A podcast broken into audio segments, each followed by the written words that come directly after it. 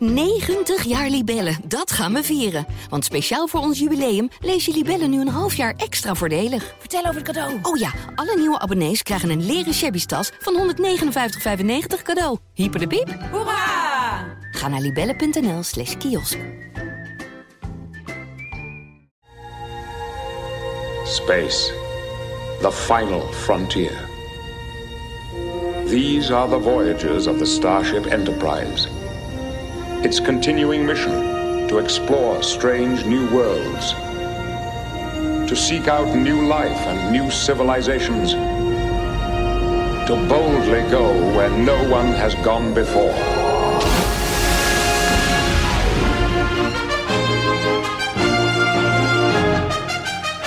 Ja, lekker dit. To boldly go where no one has gone before.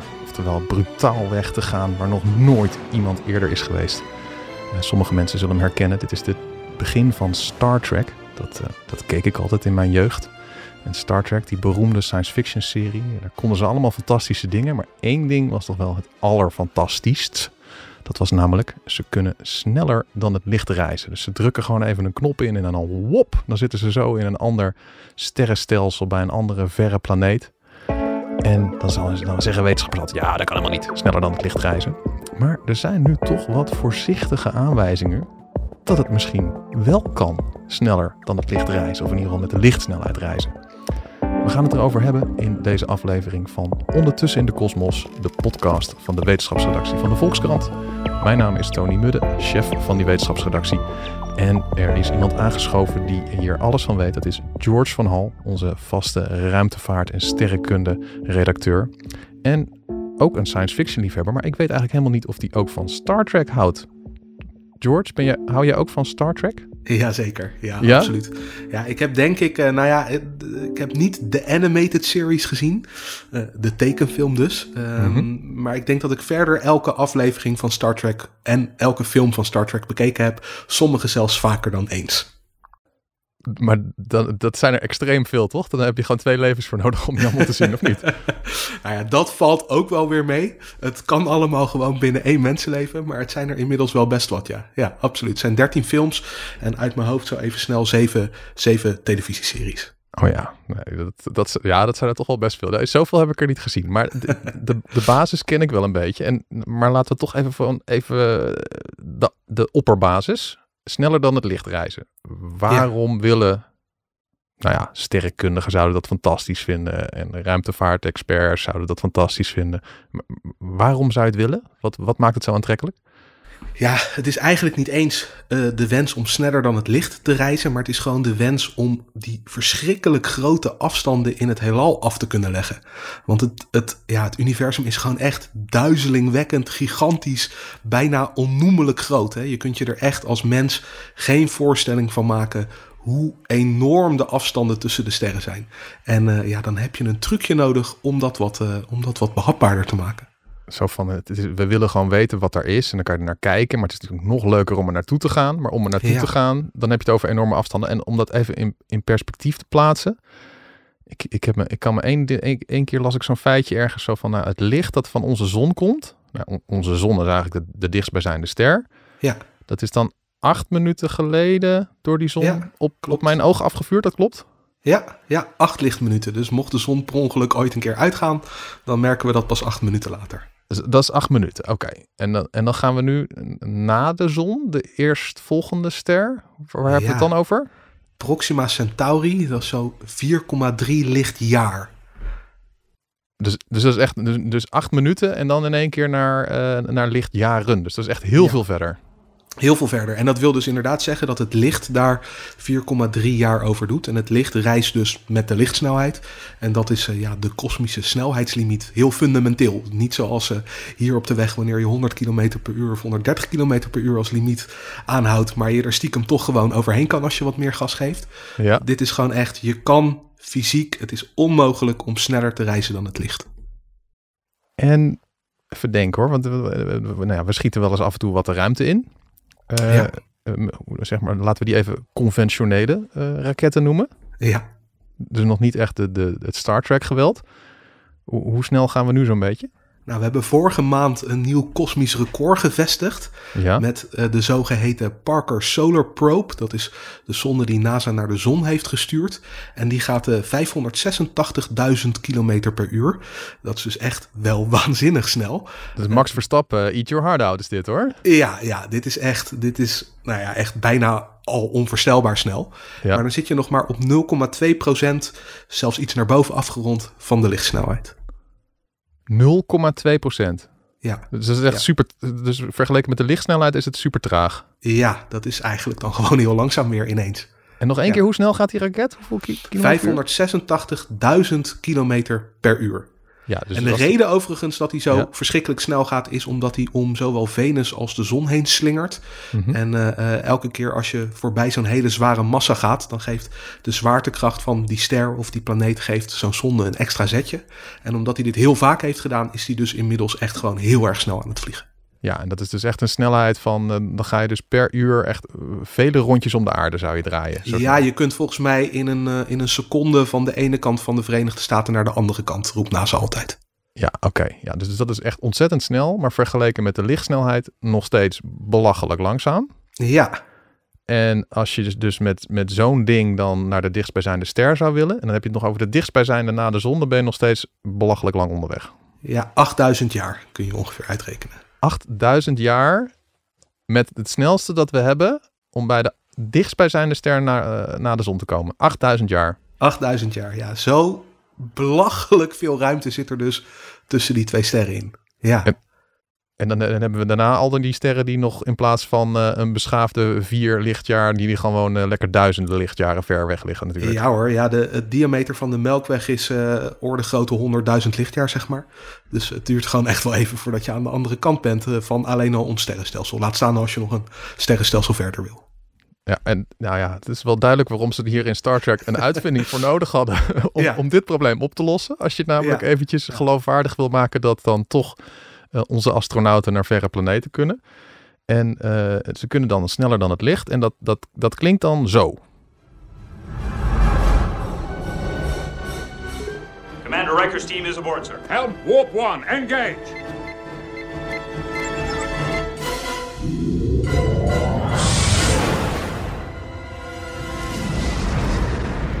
Warp 1 engage. En dan. Uh, ja. En, en daar gaat hij. En, Meer is niet nodig, hè? In, nee. een, uh, in een televisieserie. Nee, en, dat en is dan, het zo'n beetje. En ja, voor zover ik weet, zeggen wetenschappers dan altijd zo van... Ja, heel leuk bedacht, maar sneller dan het richt, licht dat reizen, dat kan gewoon niet. En nee. waarom kan dat eigenlijk niet? Ja, het Want is, ik wil uh, het wel heel graag. Ja, ja. Nou ja, nou eigenlijk wil je het niet eens heel graag. Als je, Oh. het, uh, als je weet hoe het zit, uh, dan realiseer je je vanzelf dat je eigenlijk helemaal niet sneller dan het licht wilt. Want dat is, een, dat is een hele rare wens namelijk om sneller dan het licht te willen. En daarvoor moet je je realiseren dat we in een vierdimensionale werkelijkheid leven. Dus we hebben de drie gebruikelijke ruimtedimensies. Boven, onder, voor, achter, links, rechts. Mhm. Maar daarnaast is ook een dimensie van de tijd. Eerder, later. Ja. Dat kun je wiskundig kun je dat allemaal op één hoop vegen. En als je dat gaat doen, dan blijkt je ineens heel veel meer van het heelal te snappen. Dus natuurkundigen hanteren dit. Alleen het is voor ons, gewone stervelingen, heel erg moeilijk om in die vier dimensies ook echt daadwerkelijk te denken. Mm-hmm. Dus wij denken gewoon, uh, we pakken het aan zoals op aarde. Als je naar uh, Amerika wil, dan pak je het vliegtuig en niet de fiets. Want Ja. je hebt iets snellers nodig, dan ben je nou eenmaal sneller op je bestemming. Mhm. Maar er gebeurt iets raars als je echt heel erg snel begint te gaan. Want die ruimte en die tijd, dat kun je eigenlijk soort van zien als communicerende vaten. Als je een geparkeerde auto hebt bijvoorbeeld, die auto die staat dan stil in de ruimte, maar die beweegt wel door de tijd met een snelheid, en dat is niet een hele exacte uitspraak, want er bestaat eigenlijk niet zoiets als snelheid in de tijd, maar met een snelheid van 1 seconde per seconde. Als je dan vervolgens gaat bewegen, dan moet je een heel klein beetje van je snelheid in die tijd moet je overhevelen naar snelheid door de ruimte. Dus je gaat wat langzamer bewegen door de tijd en dan ga je bewegen door de ruimte. Als je dus gaat bewegen door de ruimte, dan gaat je klok wat langzamer lopen, dan gebeurt er dus iets geks. En er zit in die twee, als je je dit dus voorstelt, letterlijk als twee communicerende vaten, zit daar maar een bepaalde hoeveelheid vloeistof in. Als je dat allemaal bij elkaar optelt, snelheid door de ruimte en snelheid door de tijd, dan kom je in totaal aan die lichtsnelheid. Dus meer dan dat zit er gewoon niet in de tank. Oké. Dat ja. betekent ook, als je met de lichtsnelheid reist, en dit vind ik zelf altijd een waanzinnig bizar idee, eh, dan staat de tijd voor jou stil. Want dan heb je maximale snelheid door de ruimte. En dan, nou ja, net als die geparkeerde auto die dan stilstaat, staat het licht dus stil in de tijd. Dus voor Ja. het licht beweegt de tijd niet. Nou ja, wat wil je dan als je sneller gaat dan het licht? Ja, dan, dan wil je iets dat niet kan. Want er zit gewoon niet meer vloeistof in die twee vaten. Dan wil je dat er meer vloeistof in zit. Maar dat is er niet. Het is dus echt alsof de natuurkunde een soort, soort ja, zoals ik langs de, de snelweg, en, of tenminste, mijn auto die heeft dan gewoon zo'n kilometerteller en daar zit gewoon een soort maximum op, hoe snel ik kan. Ja. En in de natuurwetten zit dus gewoon besloten van harder dan de lichtsnelheid gaat hem gewoon niet worden. Nee, licht is dus ook overal tegelijkertijd. Dat komt instantaan aan. En wat je dus wil als je sneller gaat bewegen dan het licht, is dat je ergens arriveert voordat je vertrekt. Dat je ergens in minder dan geen tijd aankomt. Nou ja, je kunt je wel voorstellen, een beetje, dat Ja. kan gewoon niet. Weet je wel, dat is gewoon echt fysiek absoluut 100% onmogelijk. Maar als je dat dan vervolgens wel wil bereiken, als je toch sneller op je bestemming wil zijn, als je een lichtstraal wil verslaan hè, in, een, eh, in een stukje racen, dan moet je een trucje uithalen. En Ja. die truc is om dan de afstand korter te maken. En dat is wat uiteindelijk al dit soort ruimtemotoren en speculatieve ideeën in de science fiction gemeen hebben. Het zijn allemaal trucjes om de ruimte korter te maken. De- oh ja, dus dan ben je er sneller daar als je de, eh, niet zozeer zelf snel gaat, maar gewoon de ruimte die je moet afleggen korter maakt. Ja, ja. En, en laten we even, want ze hebben bij Star Trek hebben ze, hebben ze zo'n boordcomputer die een keer heeft uitgelegd hoe ze het daar dan doen met een soort theorie. We, we gaan eventjes wat zinnetjes van deze boordcomputer laten horen. Ja. Kom, komt ie? The Enterprise's warp field coils generate an intense multi-layered energy field around the starship.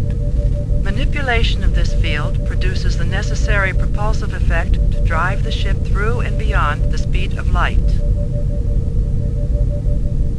Ik hoor antimatter reaction. Het is totale abracadabra voor mij. Maar Ja, technobabble noemen ze dat dan eh, altijd als het in science fiction series wordt uitgesproken. Iets dat gewoon heel erg wetenschappelijk en technisch klinkt, maar dat Ja. eigenlijk, als je er een beetje over na begint te denken, helemaal niet zoveel betekent. Want het is gewoon totale kolder wat eh, de boordcomputer van Star Trek hier zegt, of niet? Ja, nou ja, niet helemaal totale kolder. Weet je wel, als je materie op antimaterie laat botsen, dan komt daar best wel veel energie bij vrij. Dus eh, eh, deze ruimteschepen hebben een MATI antimatter reactor in het binnenste staan. En dat zou dan genoeg energie leveren om een warp bubble te maken.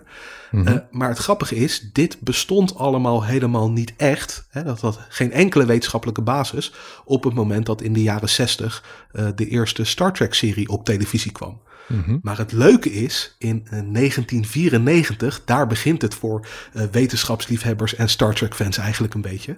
Ja. eh, was één wetenschapper, die heette Miguel Alcubierre, dat is een, eh, een Mexicaanse natuurkundige.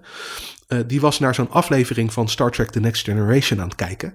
Eh, en hij was op dat moment was hij aan het promoveren in de algemene relativiteitstheorie van Einstein. Hij was daar allerlei theoretische speculatieve krochten van die theorie was hij aan het onderzoeken. Ehm, en in die theorie kun je ruimte en tijd krommen. Namelijk met behulp van zware massa's. Een beetje alsof je een bowlingbal op een opgespannen tafellaken legt. Dat trekt dan een kuil in, in dat tafellaken. Net zo trekt een hele zware massa, een planeet of een ster, een kuil in ruimte en tijd. Kromt dus ruimte en tijd. Ja, en het woord warp drive zegt het eigenlijk al. Het krommen. Het is een, een aandrijfmethode die iets kromt. En hij dacht, nou, 1 plus 1 is 2.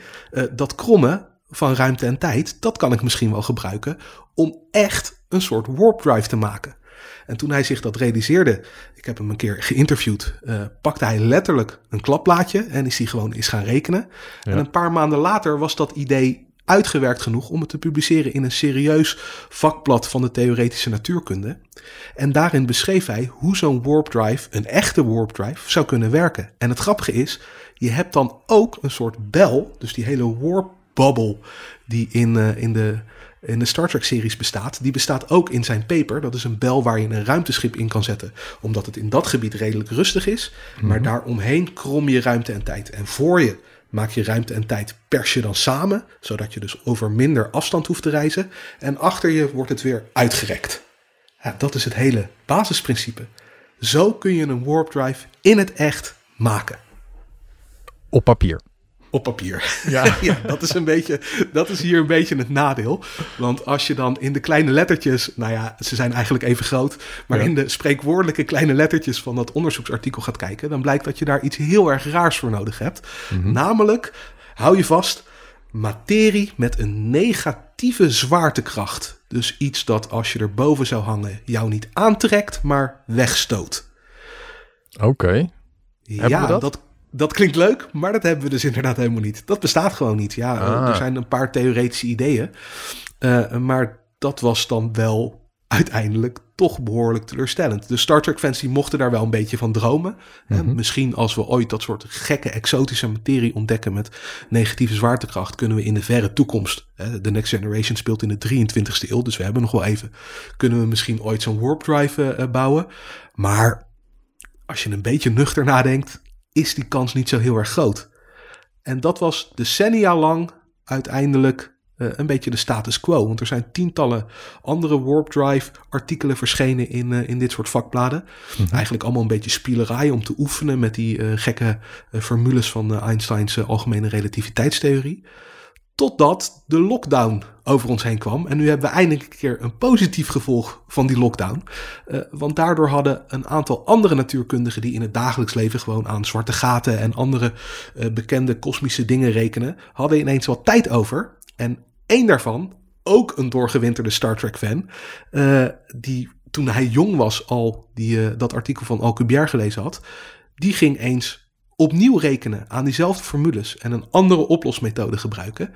En aan het eind van de rit ontdekte hij dat het ook kan zonder al die gekke exotische materie. Oké. En waarom bouwen we dat dan niet gewoon nu? Ja, je hebt er dan nog steeds helaas wel heel erg veel van nodig. Dus eh, eh, als je, nou ja, zijn artikel had je er echt nog heel erg veel van nodig. Eh, er is nog een vervolgartikel opgekomen. Dit is allemaal afgelopen jaar verschenen. Eh, dan kom je op ongeveer een duizendste van de massa van de zon.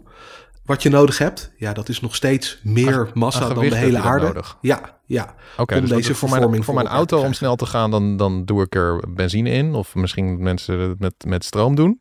Ja, Maar om dus met Warp 1 te reizen, dat is dus één keer de lichtsnelheid. ja volgens Star je- Trek. Dan moet je de, dan doe ik dus, dan tank Dan ik moet je dus de ruimte krommen. Ja. En hoe meer je die ruimte kromt, hoe, hoe groter de tijdwinst wordt natuurlijk. Ehm, en daar heb je die massa voor nodig. Want hoe meer je de ruimte kromt, hoe minder ruimte er tussen jou en je bestemming komt te liggen. Maar hoe, hoe kan ik gewicht tanken? Ik bedoel, ik kan, ik kan heel veel olifanten natuurlijk aan boord van mijn ruimteschip zetten. maar dan, dan kom ik nog niet op een gewicht van, eh, van een tiende van de zon. Nee, nee, je moet dat dus op een slimme manier in een bepaalde ruimte persen en dat meenemen. Nou ja, dat is een van de grote uitdagingen voor dit soort ruimtemotoren eh, vanaf hier. Ja. Ehm, en dat, dat kan wel hoor, want het, het, eh, het is realistisch om zoiets te maken. Realistisch dus aanhalingstekens. Ja. Om zoiets te maken ehm, met bijvoorbeeld de materie die in neutronensterren zit. Daar zit iets heel dicht samengepakt. Daarvan weegt een eh, theelepeltje zoveel als de Mount Everest. Nou, als je, als je dat spul gebruikt, dan kun je misschien iets bouwen dat ook nog een beetje een fatsoenlijke afmeting heeft om zo'n eh, om zo'n warpbubbel te creëren. En, en als, eh, als ik zo'n warpbubbel creëer, kan er dan ook nog iets helemaal misgaan of zo? Dat de aarde achter me eh, in elkaar stort of zo? Of dat gaat allemaal wel goed? Als het goed is, gaat de aarde niet achter je in elkaar storten. Nee. Ehm, ja, kijk, het vervormt ruimte en tijd. Maar dat betekent ook dat alles dat in die ruimte en tijd zit, dat dat mee vervormt. Het is niet dat je iets kapot maakt. Je maakt echt gewoon het grafiekpapier van de werkelijkheid verander je van vorm. En dan rekt gewoon alles rekt mee. En dat hebben we verder. Als je uitgerekt wordt, heb je dat helemaal niet door. Oké, dus het is niet zo dat als deze wetenschappers dit daadwerkelijk gaan testen, dat, dat, ik dan ineens als een soort spaghetti sliert uit elkaar word gerekt, eh, terwijl ik Nee. rustig op aarde aan het toekijken ben. Als het goed is, niet. als het goed is. Garantie tot aan de deur. Ja. En eh, ja, wat denk jij? Gaan ze dit echt bouwen of niet? Ik denk dat uiteindelijk dit wel geprobeerd gaat worden in elk geval. Maar ja, goed, ik denk ook dat wij dat niet meer mee gaan maken. Want hier is wel een, een soort uh, engineering voor nodig. Dat, ja, dat beheerst gewoon niemand. Oké, dus uh, en, en in Star Trek speelt zich af in het jaar 2300, hè? 23e eeuw, ja, The Next Generation. 23e eeuw, oké, okay, oké. Okay. Ja. Dus dat is tussen 2200 en 2300. Ja. ja dus, dus we hebben nog even om dit daadwerkelijk te realiseren. Ja, we kunnen nog eventjes achteroverleunen. Maar het leuke is dus dat als je naar die series kijkt en je droomt dat de toekomst misschien er ooit wel eens zo uit zou kunnen gaan zien, dan heb je nu een extra reden uh, om die droom te blijven dromen. Mooi. Laten we ter afsluiting nog even lekker die tune van Star Trek doen. En, en, en zal, ik je, ik, zal ik je nog even iets, iets grappigs opbiechten over Star Trek, voordat ik die tune erin gooi? Ik ben benieuwd. Ja, ik werkte dus ooit voor de, voor de universiteitskrant in Delft. En toen kwam daar de NASA-directeur, die kwam daar een praatje houden. En toen mocht ik daar verslag van doen, dus ik vond het hartstikke leuk. En, uh, en die hield zo'n praatje met, uh, nou, we, we gaan uh, naar Mars toe met astronauten. En een heel ambitieus praatje hield hij. En ik moest het ook in het Engels opschrijven voor de Engelstalige studenten en zo. En toen dacht ik van, nou, ik vind het eigenlijk wel gewoon een leuke kop om boven dat artikel te zetten. Uh, to boldly go where no man has gone before. Of no one has gone before. Want weet je wel, hij hield echt zo'n beetje zo'n Star Trek praatje van we gaan naar de planeten toe. Alleen, nou is er iets aan de hand met dat woord boldly. Dat is namelijk uh, bold. Dat kan je op twee manieren schrijven in het Engels. Met een, ik hoop dat ik het deze keer wel goed zeg. Met een O, dan betekent het kaal, volgens mij. En met een Nee, anders zeg ik, kijk, doe ik het weer verkeerd. met, met een A, dan betekent het kaal. En met een O, dan betekent het om, om brutaal ergens uh, naartoe te gaan waar nog niemand is geweest. Ik zie waar dit mis is gegaan, ja. Je, je ziet wat hier gaat gebeuren, hè? Dus, dus, dus, stond, dus dan was het dus een, uh, nou ja, een stuk over die man die dat, die dat praatje daar hield op de TU Delft. En er stond heel groot boven zijn hoofd stond de kop NASA-directeur, dubbele punt, to boldly go where no one has gone before. Alleen daar stond dus om met je kale kop ergens naartoe te gaan, maar nog nooit iemand eerder is geweest. En die man was ook nog kaal. Ja, ja als hij nou nog een uh, hele wilderige bos haar had gehad, dan was het misschien wat minder erg geweest. dus uh, dus nou, dat, dat, dat was mijn meest uh, gênante fout in de wetenschapsjournalistiek ooit. Er werden heel veel ingezonden brieven op ingestuurd. kan Dank je wel, Star Trek. Ja. Dus bij deze, meneer de NASA-directeur, alsnog excuses. En we beginnen nu met als, uh, met een mooie tune van Star Trek om deze aflevering van Ondertussen in de Kosmos uit te leiden. Uh, George van Hal, dankjewel. Yes. En uh, ik hoop je weer te zien bij een volgende aflevering van deze podcast. En ook grote dank aan ons team achter de schermen. Daan Hofstee, geluidstechnicus. En Corinne van Duin, podcastkoningin van alle podcasts bij de Volkskrant. Mijn naam is Tony Mudde. Graag tot de volgende keer.